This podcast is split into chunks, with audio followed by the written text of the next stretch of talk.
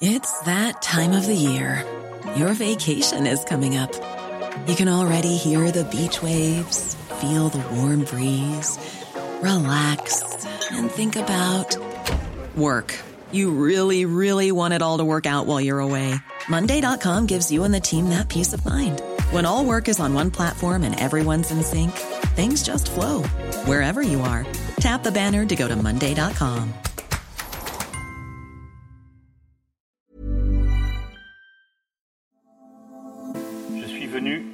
parler d'Europe. Together, we can achieve incredible things. Europa skal stå stærkere i vores egen ret. Europa ist unsere Zukunft. Du lytter til Altinget taler om Europa med din vært Thomas Lauritsen.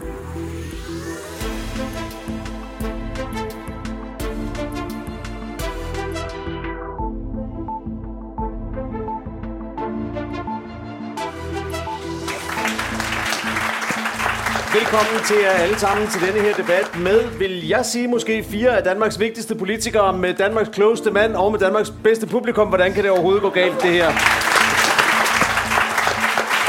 Velkommen til den her lidt særlige udgave af Altingets europæiske podcast. Jeg hedder Thomas Lauritsen, og i den her sommertid har jeg valgt at spille et par debatter fra dette års folkemøde på Bornholm for dig. Som du kan høre, så var Altingets chefredaktør Jakob Nielsen i højt humør, da han åbnede en debat arrangeret af Europaparlamentet. Det var på Folkemødets fælles scene, og det handlede om Ukraine, om sikkerhed og om migration blandt andet. På scenen stod et panel med fire danske parlamentsmedlemmer. Der var Socialdemokraten Niels Fuglsang, SF'eren Kira Marie Peter Hansen, den tidligere radikale Karen Melchior og så Anders Vistisen fra Dansk Folkeparti. Lad os lave den mest gunstige frihandelsaftale, vi nogensinde har lavet med et tredje land, som gælder fra i morgen. Lad os lade dem komme ind i de forskellige EU-programmer, som kandidatlande kan komme ind i hurtigst muligt. Men tanken om, at Ukraine er klar om 10 år, det tror jeg ikke på. Vi vil gerne hjælpe Ukraine, men betyder det så også, at Ukraine skal med i EU? Det var der delte meninger om blandt parlamentarikerne. Men det der tog med udvidelsen, det kører altså nu. Det sagde historikeren Bo Lidegaard. Han var nemlig også med. Det her er tog, der sættes i gang nu, og det bliver meget svært at stoppe igen, fordi vi er nødt til at omfavne de lande, der omgiver os, for ellers er der andre, der gør det, og det er vi ikke interesseret i. Velkommen til den her særudgave af Altingets europæiske podcast, hvor vi tager dig med til folkemøde på Bornholm. God fornøjelse.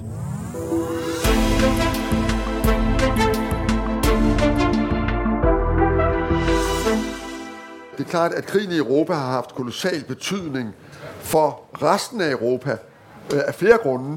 Det har haft betydning, fordi at det, betød, det betød, at vi fik afbrudt den meget betydelige øh, import af energi, primært gas, fra, øh, fra Rusland til Europa. Det medførte jo en noget tumultarisk øh, sidste år, hvor vi var bange for ikke at have energi nok, og hvor jo også energipriserne steg og sat ordentlig gang i inflationen. Det har vi alle sammen mærket. Det har, alle sammen, det har konsekvenser for renten og alt muligt andet. Så der er nogle økonomiske virkninger, nogle energi- og grøn omstillingsmæssige virkninger. Der er jo også en ubehagelig fornemmelse af, at det der med rigtig krig, altså krig, der handler om at forsvare sit territorium mod en indtrængende fjende, det er altså ikke, som måske nogen havde troet, noget, der hører fortiden til, men i allerhøjeste grad noget, der også hører nutiden til. Og det har ændret vores måde at se på politik, det strategiske, det militære, den hårde sikkerhed, er rykket helt op på toppen af den politiske dagsorden, hvorfra den jo smitter af, også på industripolitikken og på den grønne omstilling. Så på den måde gør det, men hvis jeg lige skal sige noget om næste år, så tror jeg, at der kunne godt være håb om, det er jo ingen, der ved det, men der kunne godt være håb om, at inden vi når Europaparlamentsvalget næste år, så er måske den, den hede krig, den aktive krig i Ukraine forbi, og så vil Europa stå øh, over for nogle rigtig, rigtig svære beslutninger. Hvad er den sværeste? Det er, om Ukraine skal være medlem. Lige præcis. Øh, hvor hurtigt de skal være det, hvordan de skal være det, og sammen med hvem de i givet fald skal være det. Men og der, der tror også... jeg, er det ikke rigtigt at sige, at hvis vi havde spurgt øh, kloge folk eller politikere for bare to år siden, om Ukraine skulle være medlem af EU og havde nogen som helst realistisk chance for at blive det, så havde svaret vel været et rungende nej. Om lang tid. Om lang tid. Ja. Og nu er det måske om, øh, om kortere tid. Ja. Øh, men hvor, lige hvor, hvor, hvor kort tid? Ja. Øh, det er jo så det spørgsmål, men jeg tror, der er én ting til, som jeg bare lige vil nævne. Når først man sætter ham i gang, så stopper han ikke igen. Jeg skal nok stoppe ham om Jeg lover det. En ting til. Jeg tror også, at vores parlamentarikere kommer i en rigtig, rigtig svær situation, når det gælder den genopbygningshjælp, vi alle sammen meget gerne vil give til Ukraine i det øjeblik, krigen er forbi.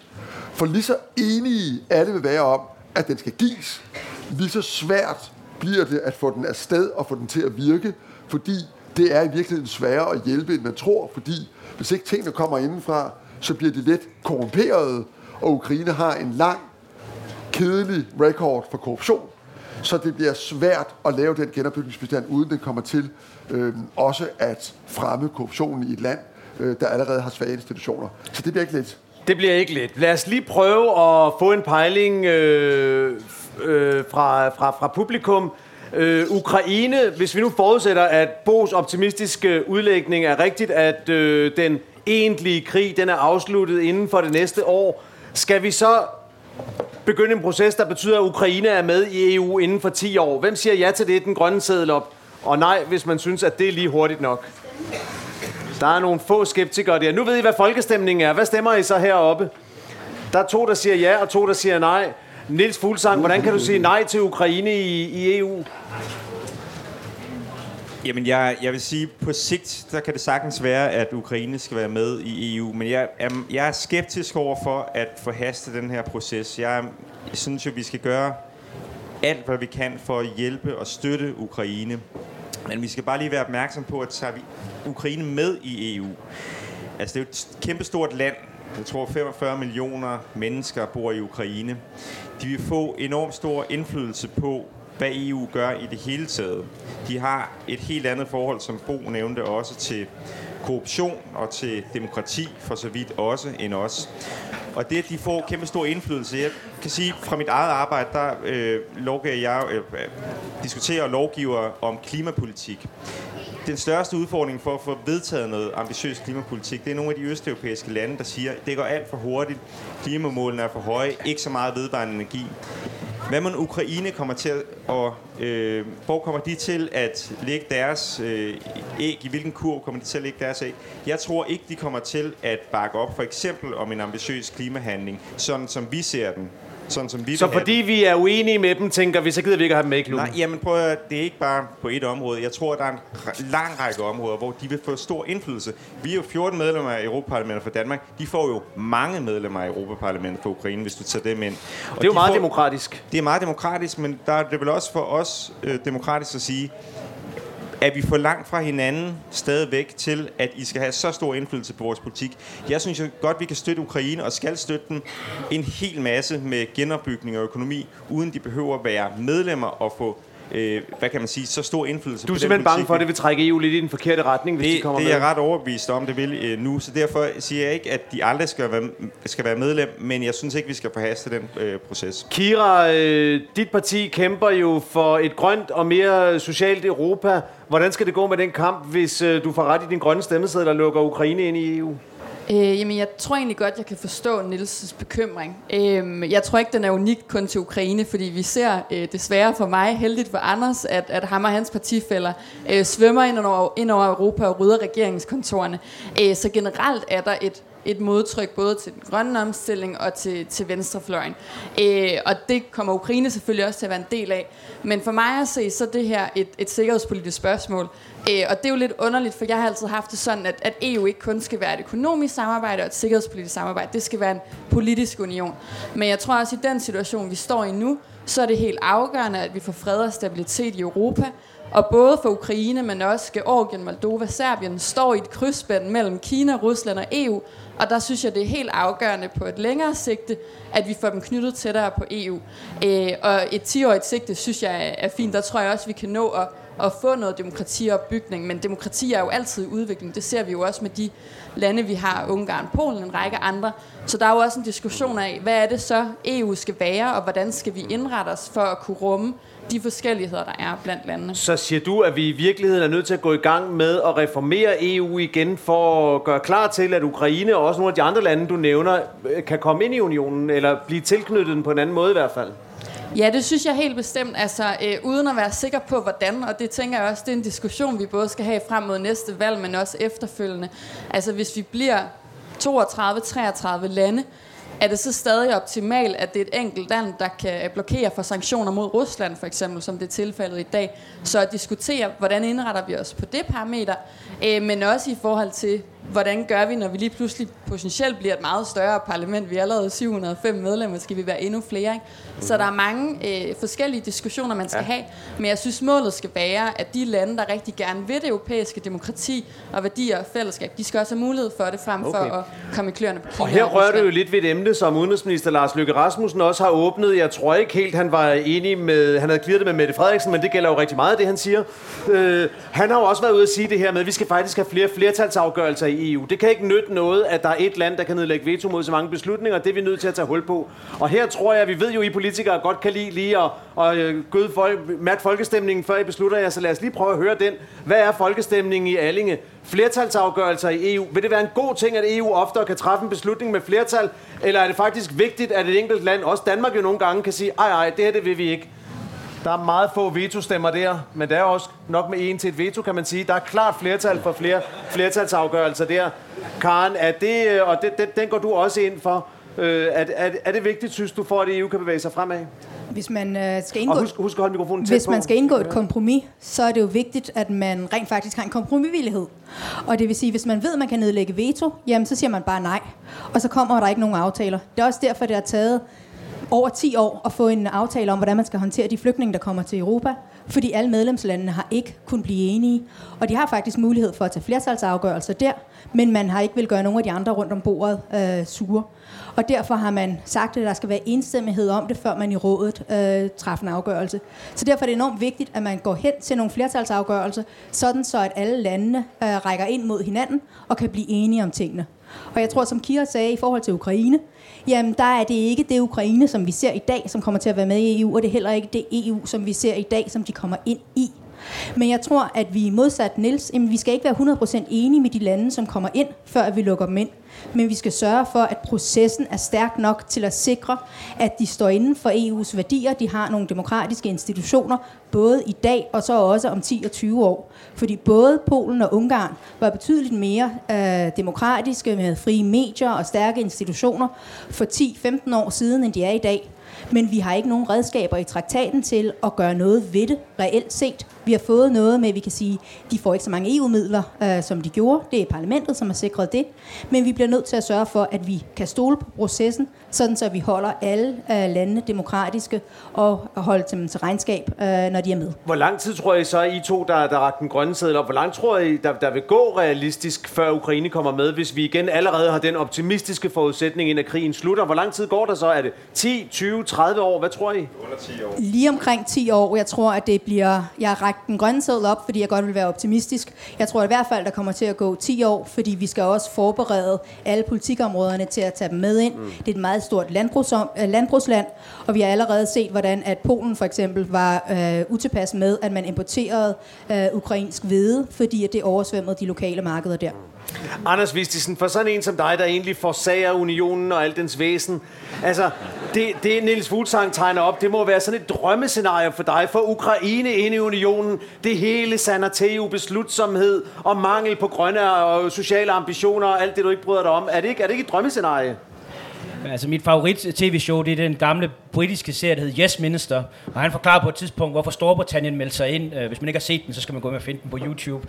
Og han siger, at den eneste grund til, at Storbritannien gik ind, det var for at ødelægge det for alle de andre ved at skabe uenighed. Det var sådan det britiske perspektiv i 70'erne. Men, men, men jeg tror også, at vi lige vil have brug for at ramme realismen i, i den her debat. Altså hvis vi snakker inden for 10 år, så er der ingen chance for, at et land, der har været i så ødelæggende krig og kommer fra det udgangspunkt, som Ukraine kommer fra, kan opnå øh, Københavnerkriterierne. Det vil sige, altså så, de her betingelser, man skal de opfylde normale for at komme ind i unionen. Så er det selvfølgelig en politisk beslutning, om man øh, nedskalerer det. Men så taler vi om at tage et land ind, der kommer fra et langt lavere udgangspunkt, selvom 10 år, end for eksempel Rumænien og Bulgarien kom ind på i sin tid. Så, så jeg tror simpelthen ikke, realismen er stor i det. Og så synes jeg også, fordi Bo er jo en klog mand, øh, øh, det handler jo også om, hvordan den der krig slutter. Slutter den med en situation, som vi for eksempel ser på Kyberen, hvor man ikke, altså måske ikke slås med tanks og med kanoner, men at man har dele af Ukrains territorie, der er besat af Rusland, så tror jeg, både EU-medlemskab og NATO-medlemskab bliver utrolig svært. Og jeg synes, man skal hjælpe Ukraine. Jeg var den første udenrigsordfører, der sagde, lad os få de F-16 fly afsted, lad os prøve at give dem til dem. Men hvis man skal hjælpe Ukraine på den korte bane, og ikke med et løfte til, hvad vi kan om 10 og 15 år, så er det ved at lade dem komme ind i de dele, der vil accelerere deres økonomiske udvikling allerede nu. Det er ved at sige, lad os lave den mest gunstige frihandelsaftale, vi nogensinde har lavet med et tredje land, som gælder fra i morgen. Lad os lade dem komme ind i de forskellige EU-programmer, som kandidatlande kan komme ind i hurtigst muligt. Men tanken om, at Ukraine er klar, om 10 år, det tror jeg ikke på. Og hvis jeg bare må, øh, så skal jeg nok stoppe min talestrøm, men bare tænke to ting frem. Det ene det er korruptionen, som, øh, som Bo var inde på. Den er altså tårnhøj i Ukraine. Med al den sympati, jeg har for landet, den er tårnhøj. Noget andet er noget, så øh, tror jeg for mange af mine kollegaer fundamentalt som LGBT-rettigheder. LGBT i Europa sendte sådan en øh, opgørelse ud over, hvordan øh, de europæiske lande var ranket på LGBT-området. Ukraine lå altså kun et par pladser over Rusland. Det er et land, der har nogle andre værdier. De ligger ikke særlig højt. Ja, det, det, jeg er jo ikke ekspert på området, men jeg, jeg, jeg vil sige, hvis man laver en, en Så analyse altså, af det... Så, altså, du siger, lad os, øh, lad os få styr på Lad os korruption, være jamen, lad os være lad os få mere frihandel, og lad, Lad os få. LGBT-rettigheder. Bo Lidegaard, er det her første gang, at en tidligere chefredaktør på Politiken siger, at Dansk Folkeparti har ret i alt? Det er måske de sidste tre bogstaver. Alt. Ja, men, lad os, okay. men lad os bare lige konstatere, at jeg, jeg er sådan set enig i øh, både Københavnerkriterierne, og det er jo altså, øh, Københavnerkriterierne kaldes sådan, fordi de blev vedtaget i København, men det er simpelthen en liste af demokratiske rettigheder, som over i øvrigt markedsøkonomi og antikorruption og styrken i demokratiet, som et medlemsland selv skal opfylde for at kunne blive medlem. Og meget af den her diskussion kommer til at dreje sig om, at det er jo ikke sådan ja eller nej. Det er, hvor langt er de kommet ned ad den vej, og er det nok? Og der tror jeg, at de, de øh, områder, som, som, øh, som bliver fremhævet her, er rigtige. Det er det, der kommer til at gøre ondt. Og jeg, nu var spørgsmålet ikke, mm. hvad vi troede ville komme til at ske. Øh, og der er jeg helt enig i, det her kommer til at tage mere end 10 år. Mm. og det kommer formentlig også til at tage mere end 15. Øh, men det, at Europa bliver nødt til at blive udvidet, ikke bare mod øst, men også ned på Balkan, det er simpelthen nødvendigt, mm. hvis vi skal overleve den her verden. Men Og lad os lige få det på plads, inden vi kaster sagt, det- kræve ændringer i måden, vi træffer beslutninger på. Sig lige to om det, inden vi kaster den tilbage til parlamentarikerne. Altså nogle gange øh, sker udviklingen jo meget langsomt, og lige pludselig går det hurtigt. Vi ja. så det med det danske forsvarsforbehold. Der var, jeg har holdt selv et interview med Jeppe Kofod, der fremlagde en udenrigspolitisk strategi inden øh, på Altinget. Vi spurgte ham om forsvarsforbeholdet, og han sagde, at han kunne ikke se nogen som helst grund til nogensinde at afskaffe det, og 14 dage senere havde de udskrevet en folkeafstemning, øh, fordi der skete noget i mellemtiden. Altså er det det samme? Vi, står vi midt i sådan en forandring lige nu her, i vores opfattelse af, hvad EU skal være, hvor stort det skal være, hvordan det skal fungere? I hvert fald vil jeg på folkemødet sidste år, hvis du havde spurgt mig, ville jeg have sagt, det kommer til at vare mindst 20 år, før nogen for alvor begynder at tale om EU-udvidelse. Jeg tror, det her det rykker helt op på dagsordenen. Jeg tror, processen bliver sat i gang. Jeg tror, det kommer til at ske. Også noget af det, Vistesen siger med, at der kommer områder og øh, stærke samarbejde og adgang til programmer. Det her er tog, der sættes i gang nu, og det bliver meget svært at stoppe igen, fordi vi er nødt til at omfavne de lande, der omgiver os, for ellers er der andre, der gør det, og det er vi ikke interesseret i. Mm-hmm. Vi har jo allerede en- en meget stærk øh, partnerskabsaftale med Ukraine, som faktisk trådte i kraft i 16. Og det var grunden til, at der var Majdan-oprøret og invasionen af Krimhaløen. Det var fordi, at øh, Ukraine på det tidspunkt sagde, vi vil Europa, vi vil ikke Rusland. Og så blev Putin sur og gik ind med tank, tanker og soldater på Krimhaløen. Vi skal sørge for, at den aftale rent faktisk bliver implementeret. Noget af det, som der også bliver kritiseret, det er, at man har vedtaget en lov, som reducerer indflydelsen for øh, fagforeninger i Ukraine. Det har Human Rights Watch og fagforeningsorganisationerne sagt, det er i modstrid med den partnerskabs- og associeringsaftale, man har med Ukraine. Der skal vi som Europa sige, at vi skal fastholde de aftaler, vi har. I skal leve op til den, og I skal leve op til Københavner-kriterierne.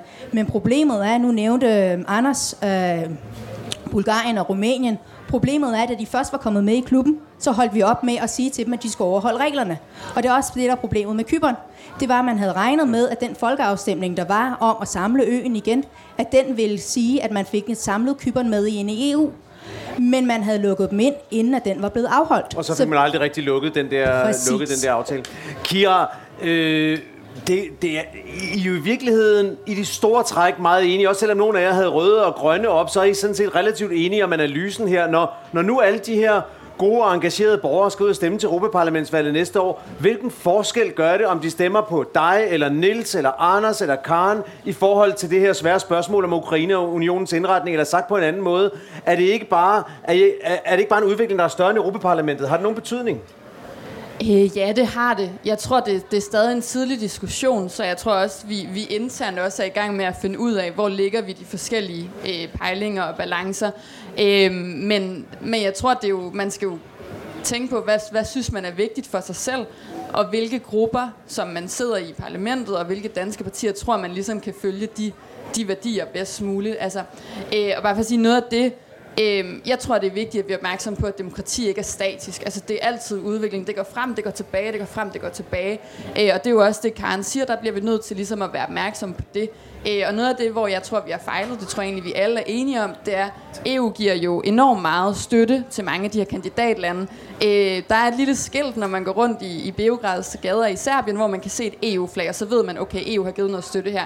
Når Rusland gør det samme, så møder Putin altså op, klipper det røde flag og øh, får smiger og jubel. Så er der også noget sådan helt basalt som det der med at vise, at vi fra europæisk side gerne vil dem. Øh, og jeg tror, at nu er vi allerede i gang med at øh, at arbejde hen imod tættere samarbejde. Altså vi har møder som øh, parlamentsudvalg med det øh, ukrainske parlament Rada om, hvad skal der ligesom til, før vi kan nærme os hinanden. Øh, Nils og jeg sidder jo med det på, på skat for eksempel. Hvordan bliver man beskattet, hvis man er ukrainsk flygtning i, i Danmark for eksempel. Øh, og jeg tror også, man skal huske, at, at Ukraine er mange ting. Altså det er ikke kun regeringen, det er også LGBT-aktivister, der kæmper hver dag på gaden. Det er Amnesty, det er alle mulige forskellige øh, altså mennesker og organisationer, der udgør et samfund, øh, og så ligesom tro på, at vi kan bruge de bevægelser, der også er, der presser på for demokrati og presser på for Mm. de europæiske værdier, øh, og komme i mål på den måde. Godt. Nu skal vi lige nå et nyt emne, som jeg lovede Anders Vistesen, at vi skulle tale om i går, fordi han stod helt andet trippet. Vi snakkede om miljø og natur og alt sådan noget. Anders stod bare og sagde, hvornår skal vi snakke om det rigtig vigtige, og det kommer nu, Anders. Nu skal vi snakke om asylpolitik. Og lad os starte med at genopføre en folkeafstemning, som vi egentlig har haft her i Danmark, nemlig folkeafstemning om det danske forbehold.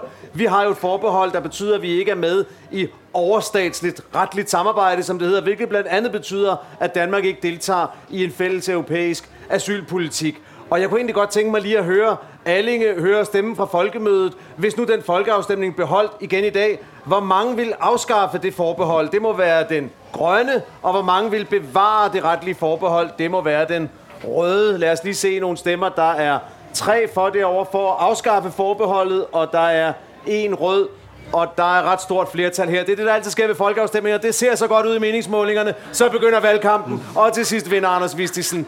Øhm, Anders, øh, Anders hvor, hvor, hvorfor, skal, øh, hvorfor skal vi egentlig ikke øh, være, være, være med i det samarbejde? Jamen altså, nu er det jo folkemøde, så nu kan det jo også godt måske blive lidt mere teknisk, øh, og nu er det jo ikke en, en Vi kan klare det, ja. men, men I kan klare det. Altså, vi er jo sådan set med på en række områder mellemstatsligt øh, inden for det retslige og indre område. Altså, vi er med i Schengen-aftalen med en mellemstatslig aftale, vi er med i Dublin-aftalen på en mellemstatslig aftale. Det, den her nye migrationspagt, som jeg går ud fra, det er det, vi ligesom går ind i nu, består af, det er jo en lovgivningspakke på fem øh, forskellige områder, som kommissionen har fremlagt og gerne vil forhandle samlet. Og det er jo sådan set den forhandling, vi går ind i nu. Mm. Der står Danmark på grund af forbeholdet i den situation, at man sådan lidt frit kan vælge at vrage. Og det har den danske regering med Kåre Dybvad Bæk i spidsen sagt, det har man også tænkt sig at gøre. Da ko- konklusionen kom ud fra, fra rådet, der sagde man, de elementer, som den danske regering fandt var en stramning af reglerne, dem vil man gerne være en del af. De elementer, man, for eksempel det her med tvangsfordelingsmekanismen, nødmekanismen, det her med, at man kan betale sig fra at være en del af den mekanisme, eller øh, kompensere økonomisk, det er den danske regering så valgt fra. Og det, vi taler om her, det er, at de lande, der ikke vil tage nogle af de flygtninge, der kommer til Italien og Grækenland og Spanien, de skal i stedet for betale en masse penge for en at blive, øh, indskud. Det, blive fri vil, det, dem. det forbehold, som vi øh, går fra og til, det er, at vi stadigvæk kan vælge frit fra den danske regering, om vi vil være med i tingene Det var i eller hvert fald ej. det, vi stemte om, ja. Ja, øh, og der stemte vi teknisk. faktisk ikke om asyldelen, Og det var der ikke for det var kat, der holdt ude. forstod. Ja. Nej, nej, nej. Øh, men så det vil sige, Kåre Dybvad Bæk, som Anders lige nævnte, han vil stadigvæk kunne sige, at vi vil gerne være med i strammerforslagene, vi vil ikke være med i slapperforslagene. Så det vil ikke ændre noget som helst andet end, at Folketinget og befolkningen skal stole på regeringen, og Inden der vi skal diskuterer Folketinget videre om det, så kunne jeg godt lige tænke mig at høre dig, Bo. Hvad ville der ske med EU, hvis hele samarbejdet fungerede sådan, at alle lande sagde, lidt som en spiseseddel, ja, vi tager den der, men vi kan ikke lide den med rejselag, den tager vi ikke. Øh, fælles selskabsskat, nej, vi vil godt øh, give nogle skattefordele til nogle firmaer, den tager vi ikke. Kunne det overhovedet fungere, hvis det var sådan? Jeg tror, at vi faktisk risikerer en udvikling af det, særligt hvis der kommer en udvidelse. Fordi det, der vil ske, hvis man begynder at gå ned ad den vej, som Danmark har betrådt, og som jo enkelte andre lande også på enkelte områder har- betrådt, Storbritannien havde det, det er jo, at de lande, der ved hele pakken, kommer til at udgøre en kerne, og så vil andre lande være sådan medlem af, en, af et, et fællesskab, som er lidt løsere ude i, i kanten. Vi har det jo også på euroen. Vi er ikke med til bestemmelser i euroen. Men vi vi følger reelt jo mm-hmm. følger vi den. Så det vi egentlig har valgt på euroen, det er, vi vil ikke være med til at bestemme, men vi tager konsekvenserne. Øh, øh, øh, og det kan man, og der kan det nogle upside, men der er heller ikke virkelig nogen downside andet end ikke nogen indflydelse. Den vil nok ikke være så stor alligevel, men alligevel. Så det er jo sådan, vil vi være med helt inden. Og jeg tror, hvis, hvis man går ned ad den her vej, og det kan sagtens ske, så får man det, man kalder et Europa med koncentriske cirkler. Det vil altså sige, at nogle er i indercirklen, de har hele menuen, ikke? Øh, de tager alle fem retter, og desserten og vinmenuen. Og så er der nogen øh, øh, udenpå, som kun tager lidt mindre, og så er der enkelte andre, som måske i virkeligheden slet ikke er fulde medlemmer, og som tager lidt à la carte med nogle ordninger. Mm-hmm. Og det kunne være sådan nogle lande som Ukraine og Serbien. Og, mm-hmm. så, så, så det er bestemt en mulighed. Og der kan man sige, at Danmark har jo traditionelt været glad for faktisk at være en del af kernen i Europa, og nyde godt af det. Så det bliver nogle svære valg at træffe for Danmark, mm-hmm. hvis det bliver sådan. Niels Fuglsang, øh, Niels Fuglsang hvad, er egentlig, øh, hvad er egentlig pointen i at, øh, at stå uden for det her samarbejde, hvis, øh, hvis det bliver løst på europæisk plan? Hvorfor er det, at, at Danmark skal lade være med at være med til at forme de løsninger? Jamen, jeg mener, vi kan, jo, vi kan jo tilslutte os de beslutninger, der bliver truffet her i forhold til den nye migrationspagt. Det synes jeg også, øh, vi skal gøre. Jeg synes faktisk, det er for, for første gang virker det til, det er lykkedes at træffe nogle beslutninger, der kan forbedre nogle af de Hold her problemer. tæt på. Der kan forbedre nogle af de her... Øh, eller der kan gøre, at vi kan løse nogle af de udfordringer, vi står overfor. Den migrationspagt, som jeg kan forstå, Dansk Folkeparti er meget modstander af, den handler jo om, at vi øh, ved grænsen vil få bedre mulighed for at sige, at der er nogle mennesker, der kommer, som vi kan se ret tydeligt, de har ikke ret til asyl. Dem kan vi afvise hurtigere, i stedet for at vi skal have en lang proces, hvor vi det sander til i Italien for eksempel på deres asylbehandling, som er gået fuldstændig i stå. Og så samtidig, at vi har mulighed for at kunne hjælpe Italien økonomisk, øh, fordi altså, vi bliver nødt til at have en form for solidaritet her. Italien står med et kæmpe problem. De får så mange mennesker ind, og deres asylsystem er brudt sammen. Mm. Derfor tror jeg også, at vi har en interesse i at kunne hjælpe dem i nogen grad økonomisk. Så du synes egentlig, det er meget fornuftigt, den migrationspagt, der ligger? Vi har også ja. Ja. hørt statsministeren sige over de seneste måneder, lidt anderledes end det, hun sagde i begyndelsen, da hun var statsminister, at det her kan faktisk kun løses med, på europæisk plan. Så er det bare, jeg ikke forstår, hvorfor søren er det så, i Socialdemokratiet siger, og vi vil endelig ikke sidde med ved det bord, hvor beslutningerne bliver truffet. Jeg tror, for, for os der er det jo vigtigt, at vi selv har øh, fuldstændig suverænitet i forhold til, øh, hvor mange mennesker, der kommer til Danmark. Jeg synes, det er sådan inde ved kernen af, øh, hvad, det er, hvad, det, hvad det vil sige at være et land, at man kan beslutte, hvor mange kan komme til landet, hvem kan komme til landet, man har styr på sine grænser. Derfor synes jeg også, det er øh, rimelig nok, at vi siger, at der sidder vi altså, der er vi ikke helt med, fordi den, den beslutningsret vil vi gerne øh, beholde i Danmark. Mm-hmm. Derfor kan vi godt tilslutte os de aftaler, der bliver lavet, hvis, hvis det er fornuftige aftaler. Det synes jeg, det er i høj grad her. Og jeg vil i det hele taget sige, flygtningsspørgsmålet og migrantspørgsmålet, jeg hører jo ofte fra Dansk Folkeparti, at EU's politik er helt håbløs osv. Hvis ikke EU var gået ind og havde lavet nogle aftaler med Tyrkiet, med lande i Nordafrika, men også med lande i Sahel-regionen i Afrika, så havde vi fået en meget større tilstrømning af flygtninge og migranter til Europa og dermed også til Danmark. Så de aftaler, EU har lavet, har jo været noget, der i den grad har dæmmet op for, for den øh, flygtninge- og migrationsstrøm. Det, det tror jeg, man, man egentlig burde anerkende i Dansk Folkeparti. Og, og Kira, det er jo også en af de ting, der ligger i, i, i, øh, i EU-diskussionen lige nu, at man i virkeligheden skal lave nogle EU-lejre, ikke de der Rwanda-lejre, som, øh, som Socialdemokraterne drømmer om, men nogle lejre måske. Al, aftaler alle dem, man har med Tyrkiet, hvor man betaler nogle af landene lige rundt om EU for at tage flygtninge tilbage, hvis de har prøvet at komme ind i EU forgæves. Er det noget, du går ind for? Ikke synderligt. Altså, jeg tror, for mig er det vigtigt, at vores asylpolitik overholder international ret. Øh, og det er svært at finde en model, der kan gøre det, hvor man flytter, flytter asylbehandlingen ud. Øh, men jeg vil gerne gå lidt ind i dybden af, af selve migrationspakten, hvis det er i orden, fordi øh, jeg ved ikke, om I lagde mærke til, hvad Anders sagde. Anders brugte begrebet øh, tvangsfordeling. Øh, og det er jo et, et meget godt eksempel på, hvordan ord også definerer, hvordan vi opfatter ting. Øh, fordi det, som rådet lægger op til medlemslandene, og det kan man jo, jeg synes, det er lidt irriterende, jeg tror egentlig, at andre synes, det er meget fedt, det er, at landene ikke kan blive tvunget til at tage flygtninge. Altså, vi kan ikke stille krav om, at Italien skal tage nogen af Grækenlands flygtninge, eller Tyskland skal tage nogen. Det er på frivillig basis. Det, de skal gøre, det er enten skal de tage flygtninge, eller også skal de bidrage økonomisk. Det er jo rigtig fedt for, for lande som Ungarn, der ikke gider til flygtninge, men gerne lige vil give nogle ekstra penge til nogle lande. Det synes jeg er en ærgerlig mekanisme. Det er trods alt også en af de mekanismer, som regeringen vælger at stå udenfor, det synes jeg er mega usolidarisk. Der, hvor vi gerne vil være med, det er, at vi får et år ekstra til at sende flygtninge hjem øh, til, til de lande, de, de først kom til. Øh, så jeg synes, solidariteten lidt mangler fra den danske side i, at nu når vi så har fået en model, eller snart får en model, hvis landene og parlamentet bliver enige, at så skal vi faktisk også være med til at bidrage til den løsning. Og der, hvor jeg synes, man skal være meget opmærksom på, hvad den her, i hvert fald hvad medlemslandet ligger op til, det er, at man de facto fjerner den individuelle asylbehandling. Øh, man siger, at hvis du kommer fra et land, hvor folk gennemsnitligt ikke får asyl, så kigger vi slet ikke på din sag. Øh, du udlagde det lidt diplomatisk. Jeg, vil, jeg synes egentlig, det er ret skræmmende, at man de facto laver sådan et juridisk ingenmandsland lige Siger, hvis man kommer fra lande, hvor øh, ansøgerne typisk bliver afvist, så behøver man slet ikke rigtig at behandle den. Så kommer de bestemt sted hen, hvor man sidder og prøver at lave en lynbehandling, så man forhåbentlig ja, så kommer kan sende de, dem tilbage så igen. kommer de de facto aldrig ind mm. i EU's grænser. Altså man laver sådan en øh, jurisdiktion uden for EU, øh, som er der, hvor man så øh, Altså, Anders, Anders, Anders Vistisen, prøv at høre. For mig, det lyder jo som Dansk Folkepartis drømmesamfund, det her. Vi har afskaffet retten til at søge asyl, og hvis der er et land, der slet ikke vil tage nogen, så kan man bare betale sig for det, og pengene strømmer jo ind i statskassen i Danmark, så det er vel et problem, der er løst af unionen her. Jeg, jeg, jeg tror måske, man lige hopper lidt over nogle væsentlige detaljer i behandlingen af den her sag. For det første, ja, der, man foreslår en accelereret proces for de lande, hvor der er under 20% godkendelsesrate. Det man bare lige glemmer at fortælle, det er, at EU kan ikke finde ud af at sende de afviste hjem. Mere end halvdelen af dem, der har fået afslag på asyl, kan EU ikke øh, tvangshjemsende. Så det hjælper jo ikke det store, hvis det er tilstrømningen, der er, er målet, at man, jo, det er fint nok at afvise hurtigere, hvis det er åbenlyst grundløst, at man ikke skal have asyl, men hvis man ikke kan finde ud af at tvangshjemsende, og det er det, kommissionen indtil videre har kæmpet med, så hjælper det ikke så frygteligt meget.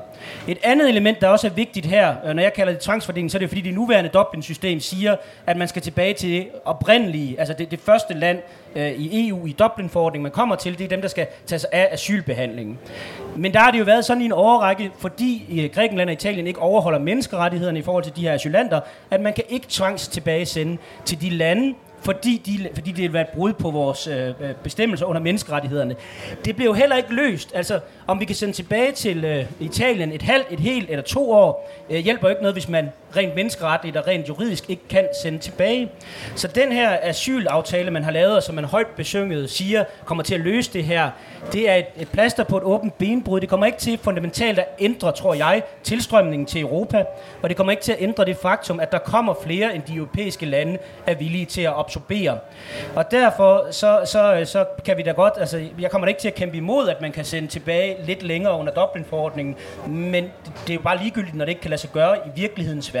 Nu skal vi lige have en afstemning, som jeg tror, vi er interesseret i. Vi skal nemlig lige høre ud i salen, hvor mange kommer til at stemme ved valget 9. juni næste år til Europaparlamentet. Hvor mange ved med sikkerhed, de kommer til at stemme, og hvor mange med den røde tænker, ah, det er lidt 50-50, eller det kan godt være, jeg ikke gør. Okay, det er vælgere, der er til stede, mine damer og herrer. Det er en kæmpe chance for at forbedre sine odds frem mod 9. juni, så nu får I simpelthen 30 sekunder hver til at sige, hvad der er det allervigtigste, I går til valg på 9. juni næste år. Og til sidst vil Bo Lidegaard fortælle jer, hvad der egentlig er det vigtigste emne. Men vi starter over hos dig, Niels Fuglsang. Hvad er det allervigtigste, du går til valg Alright. på? Jamen, øh, jeg mener, det vigtigste emne frem mod valget og i de kommende år i EU, det er uafhængighed at vi skal blive uafhængige af russisk energi, men også i forhold til Kina.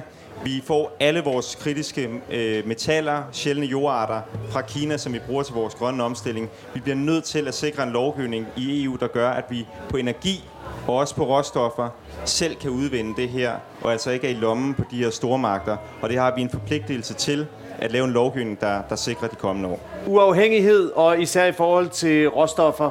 Rigtig spændende. Kira, det vigtigste emne frem mod valget?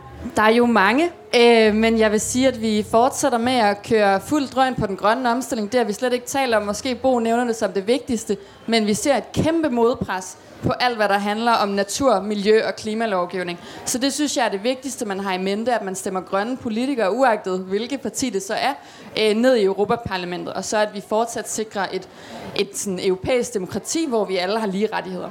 Stem på en grøn politiker. Karen, hvad er det vigtigste? Stem på en politiker, der gerne vil øh, beskytte demokratiet i alle de europæiske lande. Fordi lige nu er demokratiet under pres. Vi ser det i Polen, vi ser det i Ungarn, vi ser det i Tyrkiet, hvor Erdogan har sat sig tungt på magten, fordi han har ødelagt alle de demokratiske institutioner. Der skal vi have beskyttet det. Vi skal have sat nogle grænser ind for, hvem det er, der kan få EU-midler. Hvis ikke de er demokrati, så skal de ikke have nogen penge. Okay, demokratiet er det vigtigste emne. Og Anders, hvad siger du? Jamen, det er jo egentlig bare lidt på en anden måde, nemlig at, at jeg har ikke set en krise på verdensplan endnu, EU ikke har brugt til at tiltage sig mere magt, og jeg tror, det kommer til at gå hurtigt på det sikkerhedspolitiske område, øh, på den tragiske baggrund af Ukraine, Øh, og derfor så tror jeg, at det vigtigste for mig bliver den her balance mellem, hvad er medlemsstaternes kompetence, og hvad er det overstatslige. Og herunder særligt det her migrationsspørgsmål, som ikke fylder så meget i Danmark, fordi tallene er meget lave, men vi kommer til at slå rekord i år, siden 2015, det der rekordår med 2 millioner. Jeg tror også, vi kommer til at slå rekord næste år. Jeg tror, det kommer til at fylde rigtig meget i den uh, valgkampsommer, uh, vi går ind i uh, okay. 2024. En virkelig spændende valgkamp med råstoffer, uafhængighed af Kina, med den grønne dagsorden, med demokratidagsorden og med national selvbestemmelse og indvandring. Bo Lidegaard, hvad er, hvad er det vigtigste emne i, i valgkampen? Jeg tror faktisk, at det bliver nogle af de spørgsmål, der er nævnt, men jeg tror især det her spørgsmål om, vi i Europa kan gennemføre en grøn omstilling, samtidig med, at vi øger vores uafhængighed og arbejdspladser øh, i på den, i, i forbindelse med den grønne omstilling. Faktisk nogle af de områder, hvor Danmark står allerstærkest, og hvor vi i øvrigt også har størst indflydelse i Europa. Altid. Tusind tak, fordi I var med til at gøre os klogere på de her ting. Niels Fuglsang, Pia Marie Peter Hansen, Karen Melker, Anders Vistisen. Tak til jer, der var med.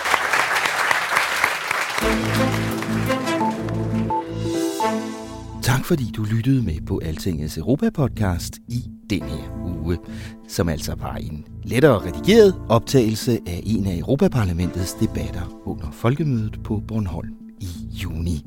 Debatten var modereret af Altingets chefredaktør Jakob Nielsen. Med i panelet var europaparlamentarikerne Anders Vistisen, Karen Melchior, Niels Fuglsang og Kira Marie Peter Hansen. Og så med politikens tidligere chefredaktør, historikeren Bo Lidegaard, som special guest star. Mit navn er Thomas Lauritsen. Tak for i dag. Lyt med igen næste uge, lige her, hvor Altinget taler om Europa. thank you